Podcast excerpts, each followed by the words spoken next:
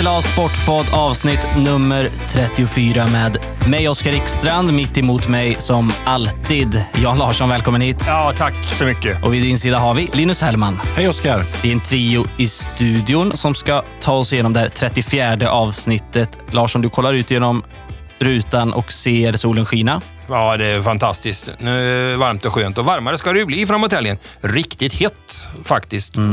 Så är det, så att det blir underbart. Du, hur har du haft det sen vi satt här senast? Ja, hur har jag haft det? Ja, men vi har haft det bra. Jag har varit ledig en del och helgen var ju ledig. Följde ju naturligtvis fotbollen då, EM och, och, och det som har varit lokalt. Och sen så fick jag ägna mig faktiskt åt lite trädgårdsskötsel. Eh, jag trodde jag skulle slippa det när man sålde huset då, men eh, nu är det ju en dotter och jag och barnbarn där också som, som behöver ha lite assistans. Så nu har man klippt lite kanter och, och, och rensat lite och sådär. Så att, eh, ja, Det är du, Rasmus Fremer.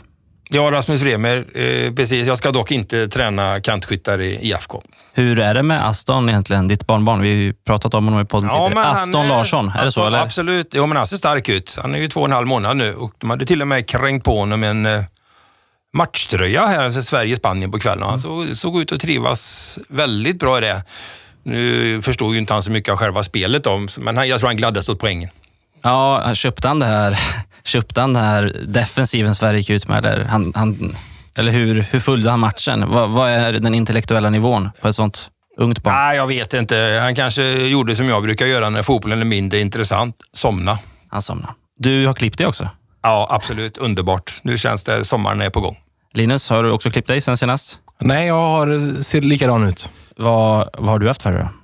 Nej, men man har ju varit inne i ett eh, långt jobbpass här så att det har ju varit eh, mest arbete och jag har ju naturligtvis njutit av EM-fotbollen. Det är ju, som vi var inne på förra veckan här, det är ju den bästa tiden som vi är inne i nu. Och sen, eh, ja, tittade väl på lite, jag tittade på damfotboll också, gjorde jag här i, i veckan här på tisdagen där när eh, Caroline Seger eh, gjorde sin 215 landskamp då, och skrev in sig i historieböckerna som ja, mesta svenskan och även i Europa då, i ett sånt perspektiv. Så det lyfter jag på hatten. Mm, det var fint. Känslosamma scener där när, när hon hyllades seger. Ja, verkligen. För min del, det känns som att jag alltid återkommer till det här.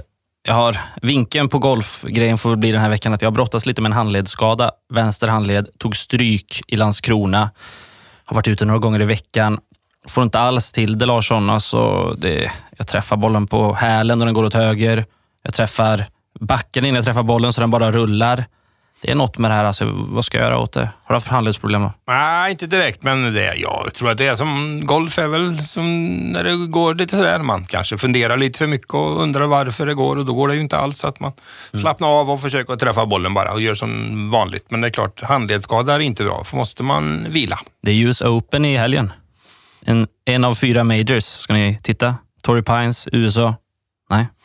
Jo, men jag brukar kika lite när det passar in faktiskt. Jag tycker det är lite kul, framförallt eh, Ja, nu har vi ju skönt väder här, men jag tycker det är en, en eh, vad ska man säga, sinnet eh, för, ja, på något vis för själen på vintern och att slå på en golftävling sent en söndagkväll och se de, de fina banorna i Florida eller var det nu är någonstans. Då kan man drömma sig dit. Det är fantastiskt. Fantastiska fina bilder brukar det vara. Lika, ja, det är kul. Ja, medan vi har gjort allt det här så har alltså EM satte igång i fotboll och vi pratade upp det förra veckan. Nu har alla landslag spelat, inte minst Sverige. Ska vi kanske börja med att väga in lite där. SLA Sportpodd på svenska EM-premiären mot Spanien. Vad, vad säger vi? 0-0, men eh, såg inte särskilt bra ut va? Nej, det kan man väl hålla med om. Men ja, man, man ville ha en poäng och man genomförde matchen på ett exemplariskt sätt för att få en poäng. Så att eh, det, man uppfyllde det man hade utställt. Vad kände du Larsson när du såg den svenska bussen parkeras framför Robin Olsen? Sverige maskar, Sverige lägger sig, Sverige får tveksamma krampkänningar tidigt i matchen. Så kan du stå bakom det här? Ja, det är inte så kul att se eh, naturligtvis eh, när det blir så här, men eh, å andra sidan så är det väl så att eh, när man sätter sig innan en match och så en poäng borta i Sevilla mot Spanien, liksom, det är ju klart godkänt för ett svenskt anslag och sen hur man spelar då. Jag tror väl personligen egentligen att eh, det har ju antytts en del tycker jag, att varför spelar de så defensivt och varför gör de si och så. Men jag tror helt enkelt inte. Jag tror, det, jag tror att det är klart att man vill hålla ihop laget och, och spela kompakt och vara på rätt sida bollen och allt det där snacket som är så viktigt i de här uh, matcherna. Men att man skulle hamna så långt bak i banan och ha så lite boll, det ingick ju inte i taktiken utan det var ju bara det att man mötte ju så mycket bättre lag på det sättet. Så att det blev ju bara så. Man klarar inte av att spela bättre. Så det är klart att man tog en poäng ändå och det är klart att det är ju bra gjort ur den synvinkeln. Men det är klart att det var ingen bra PR för fotboll och inte för svensk fotboll heller. Nej, man skulle kunna säga att rånarluvorna var på lite sett till hur matchen såg ut. Det kunde varit på ännu mer för vi var ju närmast att göra mål. Isak sköt stolpen va? Ja, det är ju paradoxalt att det är så i matchen med ett bollinnehav på Ja, det var väl vissa stunder på 81 mot 19 då i spansk favör i procenten. Så att, eh, och ändå så är det Sverige som skapar de ja, två hetaste målchanserna. Det är ett underbetyg till Spanien att inte kunna eh, ja, ta vara på det kraftiga övertaget som man har. Det var ju egentligen ja, det var en anstormning i början som man kunde förvänta sig och sen så eh, ja, på slutet då när man tryckte på för ett mål som aldrig kom. Så att, eh, men som jag var inne på, jag tror att eh, det behöver se ut så här om man ska kunna ta poäng mot Spanien. Det är ju det är en motståndare som är på en helt annan nivå än vad Sverige är. Jag tror det också. Jag tror det kanske, och det har väl antytts också lite grann, att eh, man drog väl vissa slutsatser av matcherna i Nations League när man mötte de här stora lagen, va? Portugal och dem, och fick ju stryk rejält. Och då var det väl så att eh, vi får nog försöka spela ganska försiktigt här och ta de poäng som krävs. Då, så att, eh, och ur det måttet så gjorde de ju det och det man kan tycka också är väl det att, som Linus säger, att eh, Spanien ska ju ha ett stort, jag menar om Sverige får kritik så måste ju Spanien ha en enormt mycket kritik för att man inte klarar av att förvalta detta övertag och bollinnehav och allt vad det är. Även om Olsen var fantastiskt bra i målet. Så att, eh, det var fel på gräsmattan, sa Luis Enrique, ja, deras det, ja, det var ju helt otroligt. Det rullade inte tillräckligt snabbt. Lågvattenmärke nästan. ja, Isak, vi tog upp det, Alexander Isak. Fin spelare, kul att kolla på. Blixtrat till. Pratar ju lite, jag vet inte, läser ni SLA eller? Ja, det gör man naturligtvis. Ja, Larsson, du också Ja, det händer. Jag pratade ju lite med Lukas Sibergiski. Uttalar man namnet så? Ja, Lukas Sibergiski, absolut. Eh, som kommer från Skövde, fotbollstränare. Nuvarande tränare i IFK Mariehamn i finska högsta ligan. Han har haft Alexander Isak som som spelare för fem sex år sedan och han minns tillbaka hur han dök upp som 15-åring och eh, han glänste redan då. Han pratade om att Isak har en, en ganska exceptionell förmåga att anpassa sig och smälta in på vilken nivå han än spelar på. Och det syntes, såg man väl mot Spanien här också. Eh, ju större scenen blir, desto större blir Alexander Isak. Vad tycker ni om den här anfallaren. Nej, men han gjorde det jättebra. Kul med Lukas också förresten. Det måste vi lägga in som lite bonusinformation. Han har ju faktiskt ett förflutet också på SLAs sportsidor. Jobbar ju lite grann som frilans då innan han lämnade stan för eh, kungliga huvudstaden och den vidare karriär han har gjort. Så att, eh, Lukas eh, tycker jag är en, en, bra seriös kille. Han har ju varit i flera klubbar, Hammarby bland annat och eh, var väl även i en superettaklubb där. Så att, eh, nej, kul att eh, han har varit en liten del av Isaks utveckling. Ja, det är en mycket intelligent person också, ska understrykas. Eh, jag förstår inte vissa av resonemangen han för. Jag förstår att de är bra och jag får lyssna tillbaka på det och så tänker jag, oh, skönt perspektiv och fina ord. Jag gillar honom. Linus, du sitter och räcker upp handen. Nej, jag bara konstaterade att Isak naturligtvis eh, var ju Sveriges enda anfallsvapen i den här matchen, men jag ville lyfta fram målvaktsperspektivet också, så vi inte glömmer bort det, för det var ju en jätteinsats av eh, Robin Olsen i det svenska målet och så vill jag även lyfta fram Victor Lindelöf Nilsson då, som höll ihop det. Som en gammal fotbollsmålvakt kan du uppskatta en sån insats Robin Olsen gör? Ja, ja, det är fantastiskt att få göra en sån räddning efter en, ja, det var i början av matchen där och få med sig den där handparaden. Då växer man ju som målvakt och ja, nej, han gjorde en jättebra match. Nej, men jag känner också väldigt mycket för målvaktsspel och eh, kan väl också säga så här att eh, om man vänder på det lite grann så är det ju så här att den här insatsen är ju egentligen, då kan man väl bedöma som en klassisk svensk framgång i de stora lagsporterna. För nästan alltid när Sverige har gjort något riktigt bra ishockey, vi kan ta handboll, vi kan ta bandyn exempelvis också, så har man alltid lyckats eh, störa de här lagarna på ett, med ett mycket, mycket bra försvarsspel och ett suveränt målvaktsspel. Det har varit, alltid varit grunden till den, i den svenska, svenska modellen tycker jag eh, faktiskt. Och det eh, kanske inte anses som tråkigt och så, men där har Sverige skördat sina framgångar. Kommer du ihåg, kan gå så långt tillbaka som 1981. Det här är kanske en, en lite löjlig grej, men Sverige lyckades då för första gången rubba Sovjetunionen i bandy. VM-final borta i Chabarov, Kurt Einarsson förbundskapten. Då, då var då man började spela det här spelet, att man spelar tätt, man måste ligga nära, man får inte ge motståndaren massa, massa ytor och tid. Samma kan jag tycka, eh, 80-tal, IFK Göteborgs framgång i Europacup eh, med eh, Sven-Göran Eriksson. Det är det här press med understöd som man pratar mycket om. En går på, en ligger bakom, en ligger tätt och sen ställer man om. Titta på de här målen, det finns ju fortfarande på, När de slog Hamburg där borta, det är kontringsmål från dem. Dan Corneliusson och Torbjörn Nilsson. Och så någonstans så är det någon sorts svensk modell också. Ta VM 94. Eh, Sverige, det var ju då sprack ju då i semifinalen där mot Brasilien. De var ju totalt utspelade. 83 minuter gjorde de i mål ändå. Då. Men eh, höll ju på att hålla där också. Ravelli, det vet vi vad han betydde för det laget. Hyllad som nationalhjälte. Så att jag tycker man ska vara, vara lite försiktig i eh, kritiken ändå. Sen önskar man väl alltid på roligare fotboll. Ja, det är ju vad man är ute efter. Är man ute efter resultat eller är man ute efter underhållning? Det är, man får ju någonstans välja där. Jag tror inte man kan få både och. Nej, nej. Nej, så det blir kul att se om man uppträder nu på eh, fredag eftermiddag när man ställs mot eh, Slovakien. Slovakien då ja, som vann första matchen. Nu säger han ju själv då, Jan Andersson, att nu ska vi resa på oss och uh, spela fotboll på ett annat sätt och så. Va? Men det var väl som Nannskog sa i TV, om jag hade varit slovakisk coach så hade jag ju direkt satt en enorm press på Sverige högt upp. Sen om det hjälper, det vet jag inte. Men det ska bli spännande att se hur den matchen tar. Mycket, mycket intressant. Hur har ni följt snackisen kring Marcus Berg? Han missade ju, alltså den anfallaren Marcus Berg missade ett jätteläge mot Spanien och eh, fick motta ganska mycket hat på sociala medier efteråt. Eh, det har varit omskrivet. Svenska fotbollförbundet gjort en polisanmälan.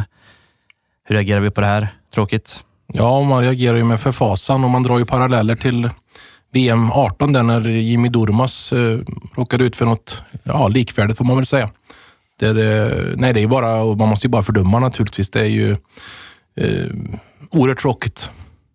Larsson väg in. Ja, så är det ju. Och eh, hela den eh, man säger, den sociala mediegrejen är ju, kan ju vara, ja, den tillför mycket naturligtvis på alla möjliga sätt. Och Instagrambilder på släkt och vänner och allt vad det nu är jättekul. Och det var ju jättestort på Instagram med han Christian Eriksson ett uttalande. Men sen finns det ju tyvärr avarter som vi ser alldeles för mycket utav. Så att, vi kommer aldrig kunna stänga ner det här naturligtvis. Det här finns ju liksom i vårt liv, våra liv och alla våra telefoner och allting. Men någonstans så önskar man ju och hoppas ju kanske att på något vis att man börjar hitta någon sorts utbildning på hur man ska eh, i de här sakerna och ett regelverk som kanske fungerar också för att det här måste bort. Alltså. Det finns ju inget snack om det. Va? Och källkritik tycker jag är någonting överhuvudtaget som borde vara ett ämne kanske i den svenska skolan om man ska vika ut sig ytterligare för att eh, det här är samhällsfara med all, alla påståenden till slut. Det kommer att kunna bli väldiga konsekvenser. Man måste kunna värdera vad som sägs och vem som, man kan inte säga vad som helst om, till vem som helst. Liksom.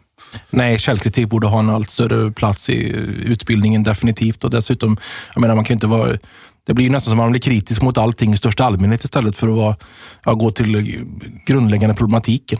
Men det är klart att är, man förstår ju vilken, vilken roll mina sociala medier har. Vi hade ju en amerikansk president som, ja, vad han gjorde på sociala medier och vilken roll det spelade. Det, det är ett eget kapitel i sig, men det visar ju på vilken, vilken påverkan det har vi sitter ju själva och det, det kan väl Oskar kanske prata lite om som, som, som kommer relativt nyexaminerad från Journalisthögskolan också. Att det här med eh, alltså, både källkritik och eh, alltså, vi har ju ett tydligt regelverk vad som gäller, vad man får uttrycka sig och det, den, den finns väl fortfarande högt på agendan i den utbildningen. Det stämmer absolut och, och jag, jag tänker på mig, men jag tänker också på er som arbetar i den här branschen. Eh, ni måste också upplevt eh, kanske inte den här typen av stora stormar som Berg har gjort nu, men att man får den här typen av kommentarer och så. Vi exponerar oss ju dagligen. Ja, så är det absolut. Ja, genom åren och det fick man kanske även förr, men förut då fick man något något surt elakt eh, brev i alla fall någon hade liksom gjort. Och det kanske, men idag kan man ju häva ur sig precis vad som helst på, på de här sakerna tycker jag. Och det, det, har, det har hänt och det har man ju drabbats av och det tycker jag, nu har man väl lärt sig också. Och det är otäckt tycker jag att man, det säger ju Berger om också, att man, ja, man, får ju, man kan inte acceptera det heller. Men å andra sidan är det jättesvårt att komma åt det. Det går, måste gå till den enskilde människan ändå i slutändan att eh, nivån måste höjas alltså för att så är det. Ja, och jag efterlyser väl generellt, om jag pratar i generella termer, en mer saklighet i diskussioner och debatter man har. Liksom. Det, det, det saknas. Mm, verkligen. En annan grej, jag bara avslutar med det i så fall i sammanhanget, som är intressant, som man har noterat. Det var ju det att elakheter och eh, som kommer både och även på eh, mejl som är så lätt att skriva också. Oftast så kommer det väldigt, av någon an, outgrundlig anledning, ganska sent på fredagskvällarna. Mm. kan man ju börja fundera på vad det beror på. Ja, har du någon teori? Ja, det har jag absolut. Då börjar det liksom rinna till lite på alla möjliga sätt. Och nu jäklar ska jag ge mig på det här. Liksom. Det är ingenting på måndag, det är regel på... Mycket kommer på fredagskvällarna. Jag har varit med om två sköna såna här Eh, attacker på nätet. Den ena var den här mittfältaren i Norrköping, Johan Tern. Simon Tern kanske han heter. Eh, som la ut något på Twitter. Där, han, han var besviken över något jag hade skrivit. Men den bästa var i alla fall när jag fick ett mejl. Jag hade skrivit om Kosova Asllani, svensk landslagsanfallare som var klar för Real Madrid. Då skrev jag det i någon passage bara att hon har kritat på ett eh, tvåårskontrakt, Kosova Asllani. Och så kom det ett mejl fem minuter efter publicering. Eh, bästa Oscar. Undertecknat av Björn Ranelid, det här mejlet. Det är stort. Ja, verkligen. Ingen fotbollsspelare, dam eller herre, har någonsin kritat på ett kontrakt. Däremot har vederbörande skrivit på, undertecknat eller signerat ett kontrakt. Kritor använder konstnärer och barn när de tecknar och skissar. Vita kritor använde miljoner barn världen över när de skrev på den svarta tavlan i skolsalen. Ovanan och dumheten bland otaliga sportjournalister att använda papegojauttrycket krita på har spridit sig epidemiskt i din kår. Och så fortsätter han lite. Vänligen Björn Ranelid. Jag tycker jag var bra. Det var stort. Det var mäktigt. Ja, det, så är det. Det får man ta som, det får du nästan ta som en merit. Det får du minnas sen. Det ska jag absolut göra. Eh, om vi fortsätter i fotbollsvärlden och går ner ett par divisioner från EM, tycker jag att vi kan börja med att landa i division 2. Det var där vi var på plats i helgen, Linus, på Södermalms IP. Vi såg IFK Skövde möta Nordvärmland. Blev inte 13-0 den här gången. IFK Skövde vann, klart. Ja. Vad har du för intryck från Skövdes seger mot Nordvärmland? Jag har intrycken att IFK Skövde gjorde en bra match. Fick till ett bättre spel. Charber Abraham släppte väl på hämningarna för sitt manskap. Man satte högre press eh, och då skapar man mycket, mycket mer än vad man gjort tidigare. Och eh, ja, det var ju en eh, helt överlägsen seger. 4-1 var ju helt i underkant. Det kunde ju blivit ett par mål till. Jag Jättebra insats av IFK Skövde. Jag vill alltid sätta saker i sina mm, perspektiv och proportioner. Jag tyckte Nordvärmland uppträdde på ett osedvanligt blekt sätt. Jag hade förväntat mig mycket mer av ett sånt lag som har spelat på den nivån mm. en tid. Så att det, på det sättet så var det inte kanske en motståndare värdig IFK Skövde, så att matchen som sådan sa väl inte så mycket. Men det var viktigt för IFK Skövde att ändå göra den här bra insatsen. Få sina första tre poäng i den här... De är ändå nykomlingar i division 2. Ja, och som produkt tyckte jag att eh, den här matchen har någonting. Det är en profilstark tränare i Sherbel Abraham på bänken. De har Andreas Usitalo som kapten, mittback. Eh, såklart en av ligans bästa försvarare. Bilos Kir på en kant. Och sen har de de här tre spanjorerna nu. Då. Alla tre spelade... Vi hade en högerback, en höger inne mitt och en högermittfältare, tror jag. Va? Stämmer. Eh, och vad ska man säga om de här spanjorerna? Jag tyckte att de såg pigga ut och bra med bollen, eller?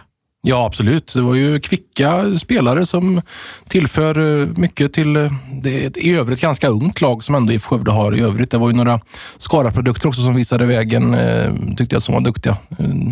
Min namne där var det väl Linus Bock som jag tyckte var mm, pigg. Ja, det är din namn. Linus, Larsson, du sitter och skrattar. Vad tänker du på? Nej, inget speciellt.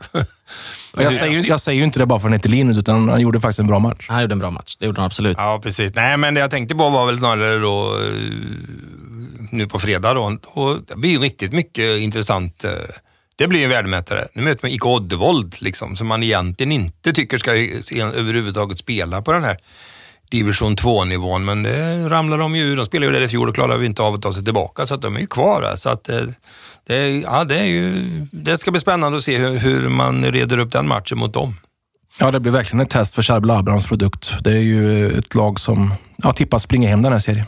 Lite ur IFK Skövdes skuggor har ju en person trätt fram nu och eh, räddat mig lite. Jag, jag gillar att prata med de här spanjorerna och då får, har jag fått hjälp två gånger nu. Han har ett skönt namn. Alltså. Pablo Alonso Villaverde González. Han har agerat tolk. SLA Sportboard tackar Pablo Alonso Villaverde González. Vad säger vi om hans namn? Det är skönt ju. Ja, det låter lite La Liga-mässigt. Ja, det låter som man kunde vara med i det spanska VM-laget faktiskt. Mm. EM-laget. Jag kan ju en del spanska som ni har hört, men det, det brister på vissa ställen. Vissa ställen. Det, Ja, dessutom så gör de sig inte på engelska vad jag förstår. Då, så att ni kan inte mötas där. Nej, det ska vi absolut inte göra. En division upp från det här spelades det också fotboll i helgen på många ställen, inte minst i Lund. Va? Jajamän. Skövde AIK var där. Tornvallen. I Tornvallen, ja. I storm får man väl ändå säga att det var. Det blåste något kopiöst och Skövde AIK förlorade till slut med 2-3. Du såg matchen Linus, du pratade med Tobias Linderoth. Vad kan vi säga om det som hände i Lund? Ja, vi kan konstatera att eh, Skövde AIK gjorde en mindre bra insats och var alldeles för givmilt. Man bjöd på alla målen, det måste man säga. Det var... Eh, ja, man satte sig i ett väldigt dåligt läge och då väl, de, väl i det läget så vaknade man till liv då och ändå ja, skakade liv i matchen och kämpade för att få med sig poäng. Men eh, man lämnar ju handikapp helt enkelt. Så att, eh, nej, det var, det var ingen bra insats alls. Det var ju ett steg tillbaka får man väl säga då, eftersom eh, man slog Assyriska på hemmaplan med 1-0. Det var väl en annorlunda match då, som vi var inne på förra veckan med ja, kämpa med en man mindre i, i en timme då, och få med sin poäng. Men det här, det här var ju nej, det var eh, tafatt. Det var eh, alltså... Ja, man var inte med. Men oroväckande då, för det här var ju andra bortamatchen i rad va? Jag menar, det var inte så speciellt. Det var, inte, det var ju ganska, säga, eh, Oskarshamnsmatchen. Ja, den var ju värre då, men Ja, absolut. precis. Men det låter lite Ja. samma Ja. Mm. tongångar. Det bjuder på målen, det ser lite håglöst ut och då undrar jag vad är det som pågår på bortamatcherna? Ja, nu har de väl två åker på borta till helgen va? Det är ingen önskemotståndare definitivt. Nej, får se om man kan resa på sig då, för det är klart att hittills så, det är klart att om man kan ta poäng hemma och så där hela tiden kommer man ju knalla med och byta om för botten, men det är klart att får inte hamna där att man åker och gör risiga bortamatcher. Det håller ju inte. Nej. Nej, eh, jag vet inte ens om jag sa det nu. Torn mö- mötte Skövde AIK i helgen i Lund. Eh, Ett av målen Torn gjorde, det var ganska snyggt. De sköt från vad ska vi säga, 6-7 meter utanför straffområdet upp mot eh, bortre vad ska vi säga, krysset. Det var ett långskott i alla fall. Linus, tycker du att det var ett läckert mål eller en svag målvaktsinsats av Mark? Nej, när man ser om det så får man säga att det var en bra kalasträff. Mm. Skickligt utfört. Eh, och det, målet kom precis också efter att Skövde AIK hade reducerat, om jag inte missminner där. Så att det var ju 3-1 och ytterligare uppförsback. Mm. Nej, för jag tycker det, man har ju berömt Skövde AIK mycket för att man har varit ganska stabila och, och hållit ihop sitt lag och så här liksom, eh, som man har gjort. Och sen så de här sista två matcherna, det är allt borta, med det är åtta insläppta. Va? Det, det, vi tyder ju ändå på liksom att det är någon svaj någonstans. Och det är ju, eh, försvarsspel vet vi ju, då kan vi ta Spanien-matchen, det bygger ju på hela laget. Så att, eh, nej, det mm, behöver en skärpning där. Absolut, och så ska vi väl erinra oss om att det var ett Skövde AIK utan fem spelare då, som kom till spel också. Ja, absolut. Eh, Vill du att jag ska ta dem eller? Nej, jag bara ville påpeka det som kanske Ja. en, en, en, en brasklapp i sammanhanget. Då. Jag tänkte, tänkte till exempel på Teddy Bergqvist var ju avstängd och så. Ja, absolut. Det lär ju vara tillbaka i Och. Valentin var ju inte med heller. Nej, Oskar Haglund avstängd. Så hade de Gustav Friberg och eh, David Frisk på Studenten. Vi gratulerade dem förra veckan. Ja, så det var ju ett lite brandskattat sack. Så var det absolut. De spelar i helgen, inte på Södermalms IP. Den planen är ledig. Eller? Nej, den är ju inte det. Allsvenskan kommer till Skövde. Har ni läst? Ja, såg det. Det var lite häftigt. Örebro ska möta Häcken i en träningsmatch. Det är ett riktigt bottenmöte, men det är två allsvenska lag i alla fall. Mårtensson, Johan Mårtensson, Örebros mittfältare, tillbaka i Skövde. Lagkapten. Ska bli kul att se honom, eller? Kan han vara. Det är inte säkert. Det beror på Nordin Gerzik är med va? Ja, Vi precis. brukar dela på den sys- sysslan. Men det tillhör inte vanligheten att vi har allsvenskan i Skövde. Nej, tyvärr nekas ju publiken då, för dem han har ju bett att undanbe folk att gå på det. Den ska ju spelas inför tomma läktare, är ju budskapet ifrån arrangörerna. Ja, just det. Just det. Det är lite synd. Men ja, kommer vi få höra något från Mårtensson, eller? Tror du, Larsson? Ja, men det måste vi ju försöka med naturligtvis. Eh, när han ändå är tillbaka här på ja, hemmaplan får man ändå säga. Han gjorde väl en, vad var, blev det? En halv säsong va? Ja, sen gick han ju vidare. Ja, precis. Så att, eh, Vi får, vi får väl nämna Ulvåkerssonen då som Ja, gjorde. Tibro var Ja. ju framträdande i, där i division 2, det var väl så. så han, men han var hela tiden utlånad från Ulvåker, så att Ulvåker gjorde ju en bra affär på Mårtensson när han gick till Holland sen. Ja, till. Nederländerna får man säga nu. Ja. gjorde han ju va? Det, så är det faktiskt. Mm. Vad har ni för allsvenska favoritlag? Har ni några? Håller ni på någonting eller är det något ni vill... Ja, jag kan vissa, väl- vissa journalister hemlighåller ju det här. Ja, det, Det, ni får välja vad ni vill, men då kommer jag Eftersom säga att jag- ni mörkar i så fall. ja, men eftersom jag inte bevakar allsvensk fotboll så, och inte lär göra det heller Mhm. här i alla fall så kan jag ju säga att eh, nej, men jag brukar... Jag sympatiserar med Djurgårdens IF. Mhm, mhm. Larsson? Ja, Något- men, något ja, det. ja, men det har jag absolut. Eh, Historiskt sett så eh, är det ju eh, Hammarby som jag alltid tyckt legat varmt om hjärtat. Men det beror ju, det är ju lite den där eh, underdog-stämpeln eh, på den vis som Hammarby haft. Nu vet jag inte, jag tycker inte jag riktigt känner igen dem de sista åren, men eh, i grunden och jag har lärt känna en del människor där också. Vi hade ju Tom Åhlund i Skövde en gång som tränare. Det var ju en härlig kille. Acke Eriksson är en legend. Han har ju tyvärr gått ur tiden som var allsvensk fyrasport. Också mycket Bajen där, så jag gillar det. Och sen självklart också följer jag ju ännu mer nu IFK Göteborg. Inte minst för Oskar Wendts skull som kommer hem tycker jag. Det måste man följa. Ja, jag tycker jag har ju varit på otaliga Stockholmsderbyn. Nu pratar vi före pa- pandemitiderna. Då. Det tycker jag ju är, ja, det är bland det häftigaste man kan uppleva här i Allsvenskan när man går på Tele2 Arena eller på till och med Friends. Då. Sen får vi inte glömma heller då i vårt lokala perspektiv, så då håller man ju alltid en tumme, gör jag i alla fall, på Degerfors. Självklart. det. Men det är ju för att vi har så mycket lokala spelare och hela den uppbyggnaden är ju fantastisk. Att man överhuvudtaget kan vara med på den nivån eh, 2021 tycker Ja, det är roligt att de är tillbaka i finrummet här i år. När du sa Djurgården där Linus, då kom jag att tänka på den första allsvenska intervjun jag gjorde. Det var alltså med den här nuvarande landslagsspelaren Marcus Danielsson, som var bra mot Spanien får vi säga va? Stor, reslig mittback. Ja, det var något enskilt misstag där som höll på att det straffa var, sig. jo, men överlag. Jag, jag, Överlag bra, absolut. Ja, då, han spelade upp sig också. Det var han absolut. jag minns jag gjorde någon intervju med honom i alla fall i Tele2 Arena och eh, han kom ut efter träningen med en drickyoghurt, vilket väl är fine, liksom. det är lugnt. Men sen hade han också tre stycken såna här, tre paket med Vasa-knäckebröd. Är ni bekanta med det här? Knäckebröd med någon slags, eh, är det smör i mitten eller? Ja, det är sån där, ja, man kan äta direkt så med mellanlägg på. Och han brände igenom de här långsamt under intervjun. Tre stycken paket, det är alltså sex stycken Vasa-knäckebröd. Medan jag ställde mina frågor, jag var helt satt ur spel. Jag vet inte om det var någon slags psykning för honom att få mig ur balans, eller det funkar i alla fall. Vad, vad tycker ni om knäckebröd då? Ja, men knäckebröd är gott med rejält med smör på. Ja, Larsson? Ja, Falu rågryt är min favorit. Falu rågryt. Blir, blir det helgen eller? Ja, det blir nästan en, ja, inte en om dagen, men nära, nära på. Innan vi går in på helgen ska vi väl kanske landa lite i det som hände under tisdagen. Jag var i Bergasalen, heter den va? Uppe på Billingehus. Stor, stor sal, högt i tak. IFK Skövde hade årsmöte där. Handbollen bytte ordförande. Per Andersson tackar för sig. Ersätts av Ola Larsson. Reaktioner på det? Ja, en doldis får man väl säga eh, i de här sammanhangen. Han har suttit med något år där i styrelsen och eh, kommer ju från näringslivet. Så vad förstår han jobbar med kapitalplacering tror jag, med personer och sådär.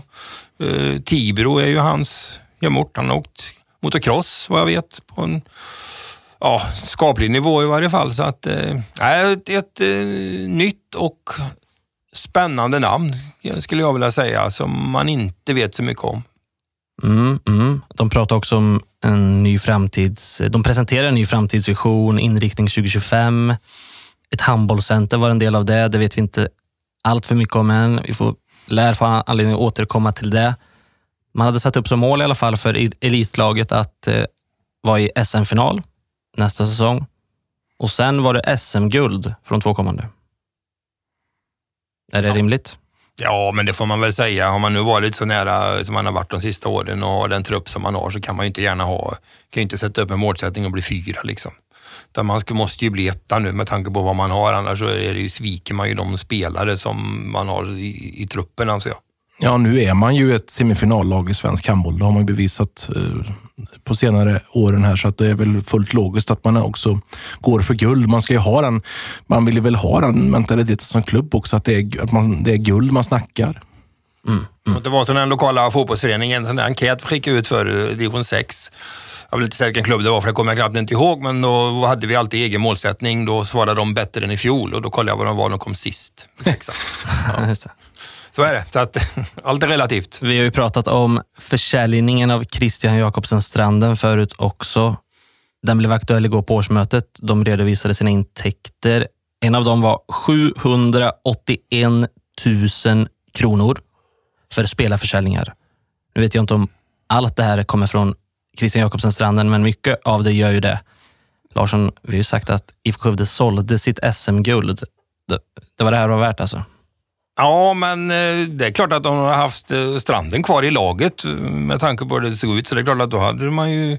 Du står fast vid det? Ja, men ja, det går ju inte att veta naturligtvis och att det är så, men det är klart att att chanserna minskar ju självklart. De blir av. Man var ju hur bra som helst då under, under hösten och hade du haft han och Jack på varsin sida där så Ja, då tror jag att man hade ja. fixat det. Nu fick vi ju siffror på vad ett SM-guld var värt om man ska spetsa till det lite grann. Mm, mm. Nej, så tillspetsat kan man absolut säga det. Så, så är det väl, men det är ju sådana värden också som man måste lägga in i en förening och det är ju det som kanske man måste våga eh, tänka långsiktigt och hur det ser ut och liksom inte bli fartblind och det kommer man säkert IFK Skövde få brottas med också. Man har höga krav och, och så vidare och så vidare. Och, och, och sådär. Så att det, man måste nog ibland våga ta eh, strategiska beslut eh, som kanske ja, man kan ibland säga att ibland måste man kanske ta ett steg bakåt för att ta två steg framåt. Kanske inte gäller IFK fullt ut, men du förstår lite vad jag menar där. Så att det, det tyder på ett mod kan jag tycka, men det är klart, stranden i laget hade IFK vunnit SM-guld. Ja, man, stå för. Ja, precis. Man kan ju sätta in det i ett sammanhang också. Då, om man nu ja, man överväger ju att spela Europaspel då, IFK Skövde och eh, jag vet, Per Andersson pratar om att man talar om en siffra på 600 000 för vad det kostar ungefär. Så kan man konstatera att om man nu ställer i relation till varandra så har man möjliggjort ett Europaspel. Fint, mycket fint. Och om vi ska avrunda avsnittet med att blicka framåt lite kort så är det snart helg. Du och jag är lediga. Hellman, Larsson, du är undertaggad? Ja, absolut. Det är kul. Vad ser du fram emot? Ja, vad ser vi fram emot? Vi har ju fotboll i helgen då, självklart. Det ska bli spännande att se Skövde AIK borta där mot uh, Tvååker om man klarar av att göra en bättre, uh, bättre bortamatch. Det är väl det i, i första hand. IFK Skövde spelar ju då fredag kväll, pratade vi om tidigare där också. Då. Sen har vi ju EM-fotbollen som rullar på. Då. Och sen den här dolda matchen på Södermalm då, får vi se om, om vi kan ta oss in där på något vis. Det mm. får vi väl titta på lite grann. Ett bottenmöte bakom stängda dörrar. Ja. Spännande. Ja. Linus, eh, vad, eh, är det inne i en EM-bubbla för dig som gäller nu eller du ska se allt? Jag ska se allt som går att se, absolut. Så att det blir, eh, jag njuter med något, med någon god öl och något gott att äta. Ja, jag med. Jag ska på konsert faktiskt. Jaha, fantastiskt. digitalt då. Mm, det är svårt att gå på konserter i de här tiderna, men Leon Bridges, amerikansk artist. Har vi något på honom eller? Ja, det känner jag igen namnet i alla fall. Okej. Okay. Mm vi, vi, ska, vi ska betala någon slags pay-per-view och slå upp det på en projektor i mitt vardagsrum. Storslaget. Ja, man kanske, kanske tar en liten whiskypinne också. Eller? Det tror jag. Nu var vi inne på allt. Men eh, kul med konserterna. Det börjar, nu ser man ju att det börjar flaggas för lite igen här nu. Jag såg ju till och med Ulf Lundell hade ju bokat in 2022 och åka till Mariestad eller någonting. Ja, då är du på plats. Ja, det får jag nog försöka vara. Du älskar den jäveln. Ja, men jag tycker det är bra. Ja, men det är kul. Det är kul. Ja, han, står, han står också för saker. Han är inte alltid poli... Han fick en fråga en gång i någon tv-program där hos Skavlan om att vara politiskt korrekt. Nej, det hoppas jag verkligen inte, sa han. Nej, men jag gillar honom på det sättet att han, han vågar åsikter. Ja, jag har också fastnat för honom på senare år när jag har varit på någon konsert. Vilken är hans bästa låt? Ja, det finns ju hundra bra alltså. Eh, det beror på vilken sinnesstämning man befinner sig i. Jag gillar mm. de lugna låtarna. Bärs ryggen fri är en klassiker från en skiva som långt tillbaka i tiden. Baby och morgon en annan. Sen finns ju de här andra lite mer samhällskritiska då, som jag tycker är bra. Är vi lyckliga nu? Frågetecken. Den kan man ju fundera på med tanke på hur det ser ut. Ja, jag gillar vad, vad, vad han sjunger om. 67 var det något år Ja, det är en klassiker den... från första skivan, Varje måne. Ja. Mm. Ja, vi får se lite vad vi går ut på. Tveksamt om det blir Ulf Lundell. Också tveksamt om det blir Leon Bridges. Oavsett vad så tackar vi lyssnarna för idag och så önskar vi alla en trevlig helg. Va? Vi återkommer faktiskt eh, i miss, ett midsommarextra. Ett midsommarextra. Eller hur? Det kan vi fundera på vad vi får ihop då. Mm, det ja. blir sill. Sill, ja. Ja, står du för eh, kost, Hellman för dryck och jag för eh, programledandet kanske? Kan bli spännande. Det kan väl bli häftigt och då ska vi ha även Erika med. Det hoppas vi absolut. Vi tackar alla som har lyssnat och eh, så ses vi igen nästa vecka. Ha det bra hörni. Ha det bra.